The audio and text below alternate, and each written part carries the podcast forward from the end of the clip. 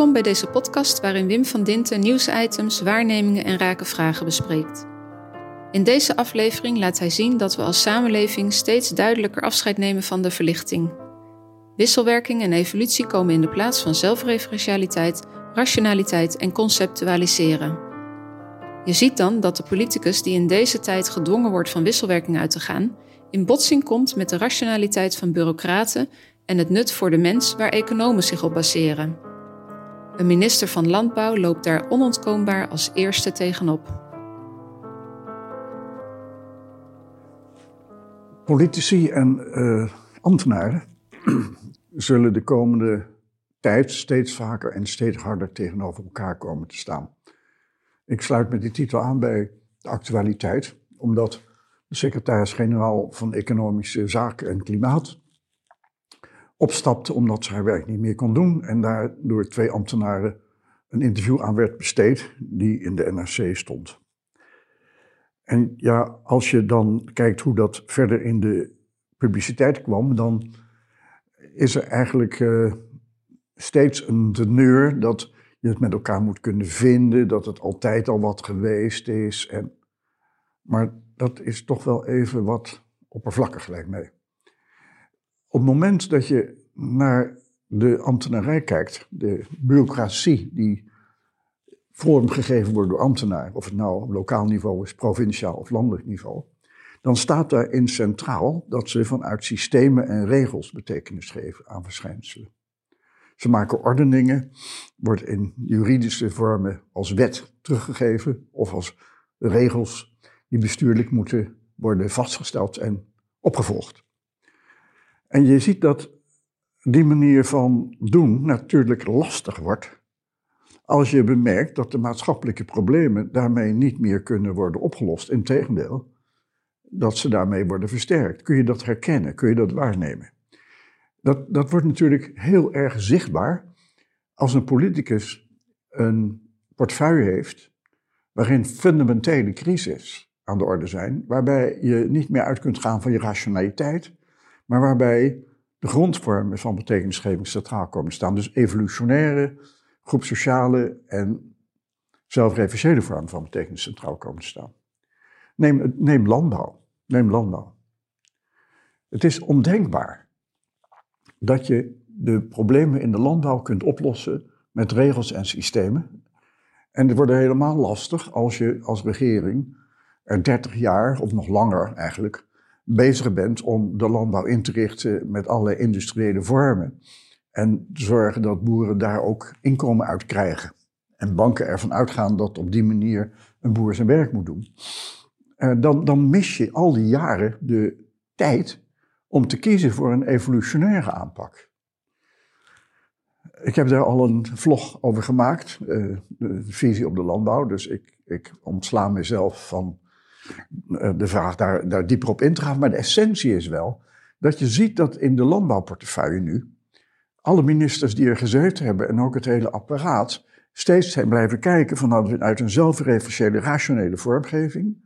En de evolutionaire benadering die nodig is om tot een verandering te komen van opvatting van waardering van betekenisgeving, dat je uitgaat van wat leeft en die wisselwerking en uitwisselwerking ontstaat als evolutie, dat, dat als je dat negeert, 30 jaar, 40 jaar lang, je ontzaglijk veel tijd verloren bent die je eigenlijk nodig hebt om zo'n evolutionair veranderingsproces mogelijk te maken. Want je kunt niet, in, je bent niet in staat als boer even van de ene op de andere dag te veranderen als je intensief geboerd hebt. Dat, dat vraagt een andere mentale setting, vraagt een andere vormgeving van hoe je handelt, vraagt een andere beschouwingen over omgaan met de natuur. Of je nou een akkerbouwbedrijf hebt of een veeteeltbedrijf.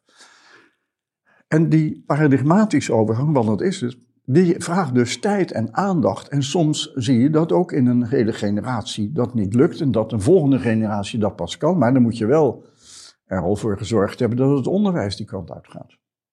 Nou, dat is niet het geval. Dus wij hebben in de landbouw vanuit de regering jarenlang een lijn gevolgd die een evolutionaire overgang om een andere vorm van landbouw heeft geblokkeerd. in ieder geval niet heeft aangemoedigd. Het is, het is wonderbaarlijk te zien dat er toch heel veel boeren zijn geweest die die overstap hebben gemaakt naar biovriendelijk, uh, op natuurlijke manier uh, agrarisch land, land bewerken en, en boer zijn. En tegen de stroom in zijn gegaan. En dat dat ook nog mogelijk bleek. Maar ze worden straal genegeerd in het huidige debat, waarbij de boer een andere manier van werken moet gaan leren. En je ziet dat in het ambtelijk apparaat bij NNV en je ziet het in de politiek, de overgang naar zo'n andere vorm niet is ontstaan. Integendeel, men blijft denken in regels en wetten en als er dan nieuwe regels komen uit Brussel, dan probeert men dat op te rekken en tot het niet meer kan. En dan zegt men dat men geen tijd meer heeft, maar men heeft politiek gezien alle tijd verspeeld. En ook het ambtelijk apparaat heeft die tijd verspeeld. En je, je krijgt dan natuurlijk de positie, die je dan ook kunt herkennen, dat de minister wordt aangesproken op die crisis, evolutionair pragmatisme tot zijn repertoire zou moeten hebben. Maar dat heeft hij niet. En als je dat zou vragen aan het ambtelijk apparaat, dan krijgt hij dat niet, want die staan ook strak in rationeel pragmatisme. Waarbij nog alles wordt uitgedrukt in geld en getallen. Dus je, je ziet dat op het moment dat een politicus een portefeuille heeft waarin een crisis naar boven komt, hij op gespannen voet komt te staan met het ambtelijk apparaat dat principieel bureaucratisch is ingericht. Want dat hoort bij zo'n democratisch proces en in wet is vastgelegd. En je ziet bovendien dat de rechterlijke macht ook uitgaat van wetten en ook uitgaat van regels en ook niet in staat is die evolutionaire lijn te volgen of zelfs ook maar de overheid te bestraffen op het feit dat ze niet evolutionair bezig zijn geweest. Dat zat natuurlijk in het toeslagenschandaal, dat zat in het Groningse schandaal. En het zit ook helaas in de zorg. Dus de minister die nu zorg heeft, die kijkt tegen een inbedding aan, een structuur aan die niet meer kan. En waarin er allerlei nieuwe arrangementen ontstaan, ook weer met nieuwe regels. Waar die wel wat van zal vinden, maar, maar het is vastgezet. En ook binnen het ministerie van Gezondheidszorg, waar Gezondheidszorg in huis, VWS, zie je dat daar de rationaliteit heel dominant is. En er organen zijn ontstaan als toezichthouder die het niet anders doen. Op het moment dat de toestand verandert, in de zin dat je niet meer uit kunt gaan zoals we hebben gekund in de tijd van de verlichting, dat je je rationaliteit centraal kunt stellen. En uit kunt gaan van jezelf, hè, wat al bij Descartes begon. Ik denk dus ik ben. Hè, zowel de rationele als de zelfreferentiële component zit daar dan in. Op dat moment dan negeer je dat wat uit wisselwerking kan ontstaan. Dat is door Locke en, en Jung wel destijds enigszins gecorrigeerd doordat ze zeiden je moet van de empirische de ervaring uitgaan van wat, wat mensen meemaken. Maar in onze hele wereld is uitgaan van denken en daarna handelen uh, dominant gebleven. En nog steeds dominanter geworden sinds de Tweede Wereldoorlog door de explosie van technologie en, en wetenschap. Dus je, je, je, je ziet dat je ook kunt begrijpen dat dat ambtelijk apparaat en die politici rationeel zijn gebleven. En daarin steeds meer protocollen hebben gemaakt en steeds meer wetten hebben gemaakt. En dat er nu eigenlijk niks meer kan zonder dat er een wet is. En dat je ministers ziet die niet meer in staat zijn tot oordelen als er geen wet is.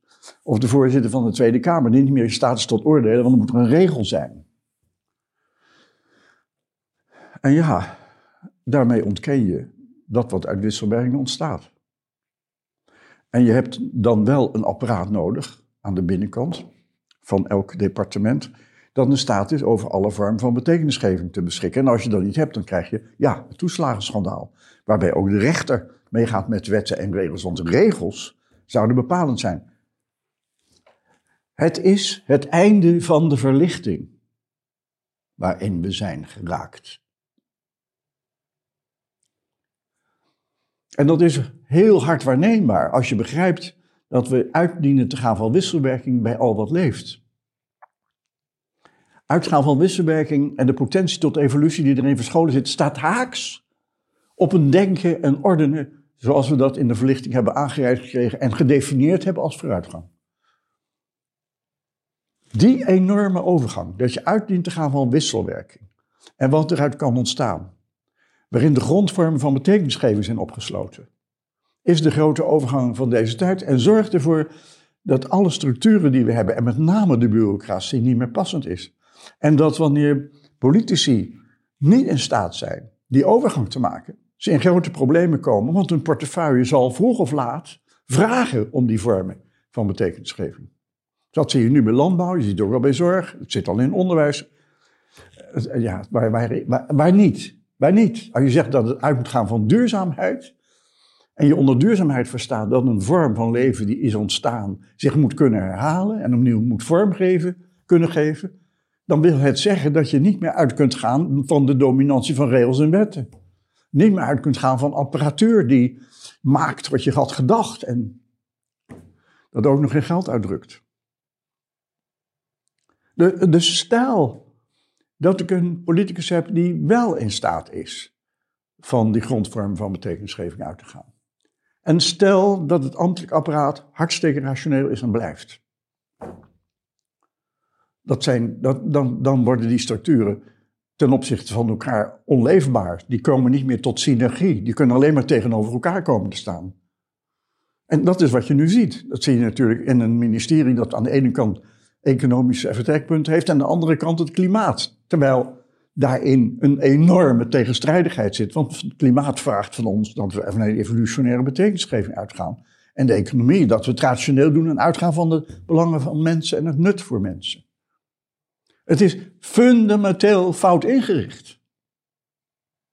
Dat geldt ook voor veiligheid en justitie, of nu dan justitie en veiligheid. Alsof veiligheid bestaat uit regels en rationele betekenisgeving met apparaten en toezicht en Veiligheid is dat je met elkaar in wisselwerking kunt zijn en met je omgeving. En dat je daarover kunt praten. En dat er een vangnet is als je valt. En dat de mensen ook het recht hebben te oefenen. En dat als ze vallen geholpen worden om weer op te staan. Maar, maar wij hebben stelsels waarbij als je valt je alleen maar verder gestraft wordt. En we hebben stelsels waarbij als je uitgaat van evolutionaire betekenisgeving, dat niet meer als veiligheid genoemd wordt, maar juist als gevaar, als vorm van onzekerheid. En als je dus daar niet over beschikt, dan zie je wat er gebeurt in de hoek van burgemeesters. Dan gaan ze roepen dat online oproepen tot protest of demonstratie niet leidt tot een diepe analyse en gesprek met die mensen, maar tot het verbod dat ze dat moeten doen. Wat natuurlijk tegenstrijdig is met de vrijheid van meningsuiting en met, en met democratische ordening. Je ziet in dit stelsel dat ook een burgemeester die gebaseerd is op regels en wetten en structuren niet meer past. En ook dat hebben we laten zitten, al 20, 30 jaar. Het is opmerkelijk dat als je nu kijkt naar de verkiezingen voor provinciale staten, dat je dan ziet dat politici het hebben over een zo grote partij maken en zoveel aanhang krijgen bij de provinciale staten, dat ze ook een positie krijgen in de Eerste Kamer, zodat ze wetten kunnen tegenhouden. En je ziet dus ook dat er allerlei interpretaties ontstaan over werkwijzen en vormen van pragmatisme die, die, ja, die eigenlijk belachelijk zijn. Dus als Volt zegt dat de VVD tegen duurzaamheid is en dat de BBB tegen duurzaamheid is en dat je het dus helemaal rationeel moet doen, dan zitten ze natuurlijk verschrikkelijk naast en hebben niet eens in de gaten dat mevrouw van der Plas van de BBB over evolutionaire betekenisgeving beschikt. Niet tegen duurzaamheid is, maar een totaal ander handelingsrepertoire van de overheid eist, wat er nou juist niet is gekomen. En je ziet ook dat je een nieuwe partij nodig hebt om zover te komen, want de oude lukt het niet. Die houden vast aan wat ze hadden, houden vast ook aan de structuren, stellen dat nog meer centraal. De huidige coalitie is schipper op een zinkend schip.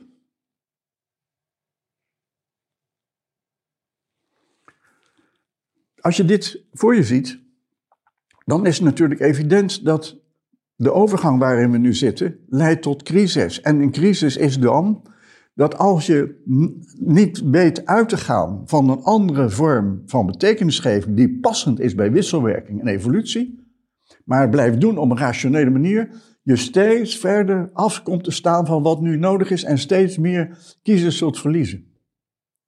En je ziet ook dat bestaande partijen die route niet kunnen vinden, daar heb je nieuwe partijen voor nodig. Maar niet elke nieuwe partij is daartoe in staat. Kijk naar Volt, om een voorbeeld te geven. En je ziet dat Volt afgeleide is van, zeg maar, D66. In, in, in dit betoog zit dus ook de weg, de route naar een andere lijn. Ik las in de Volkskrant een verhaal van Erik Pol, die belast is met de zorg voor 130.000 ambtenaren die ja, toch eigenlijk in staat zouden moeten zijn om niet te handelen zoals bij de toezichtaffaire. En, en hij zegt daarbij dat hij gebruik wil maken van dialoogmethodieken. Maar dat zal niet werken. Dat gaat niet opleveren dat mensen in de overheid als ambtenaar een andere manier betekenis gaan geven. En je zult ook zien dat degenen die geselecteerd worden aan de top van departementen, dat die door de bestuursraad worden benoemd, zo'n 1700 mensen, waarin strak rationeel pragmatisme zit. Met economische vertrekpunten. Die bestuursraad moet ook weg. Vooral die bestuursraad moet weg. En je ziet ook dat Erik Pol zegt, ja, ik moet iets bekennen, ik word steeds radicaler. Ja, dat is te begrijpen, want nog de politici, nog de ambtelijke top, zijn in staat om mee te gaan met vormen van betekenisgeving waarop ze niet geselecteerd zijn.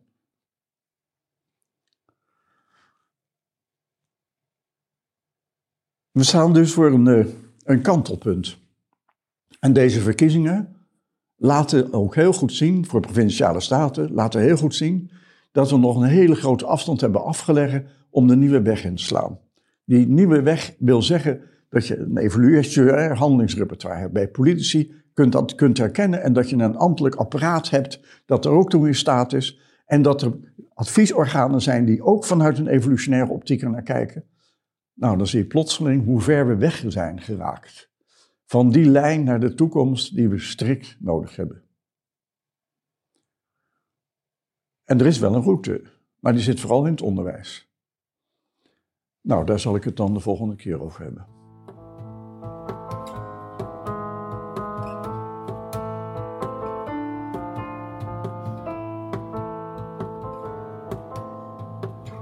Er is ook een vlog van deze podcast. Klik daarvoor op de link die je vindt in de omschrijving. Heb je een vraag of item waar we volgens jou aandacht aan kunnen besteden? Stuur een berichtje naar czen,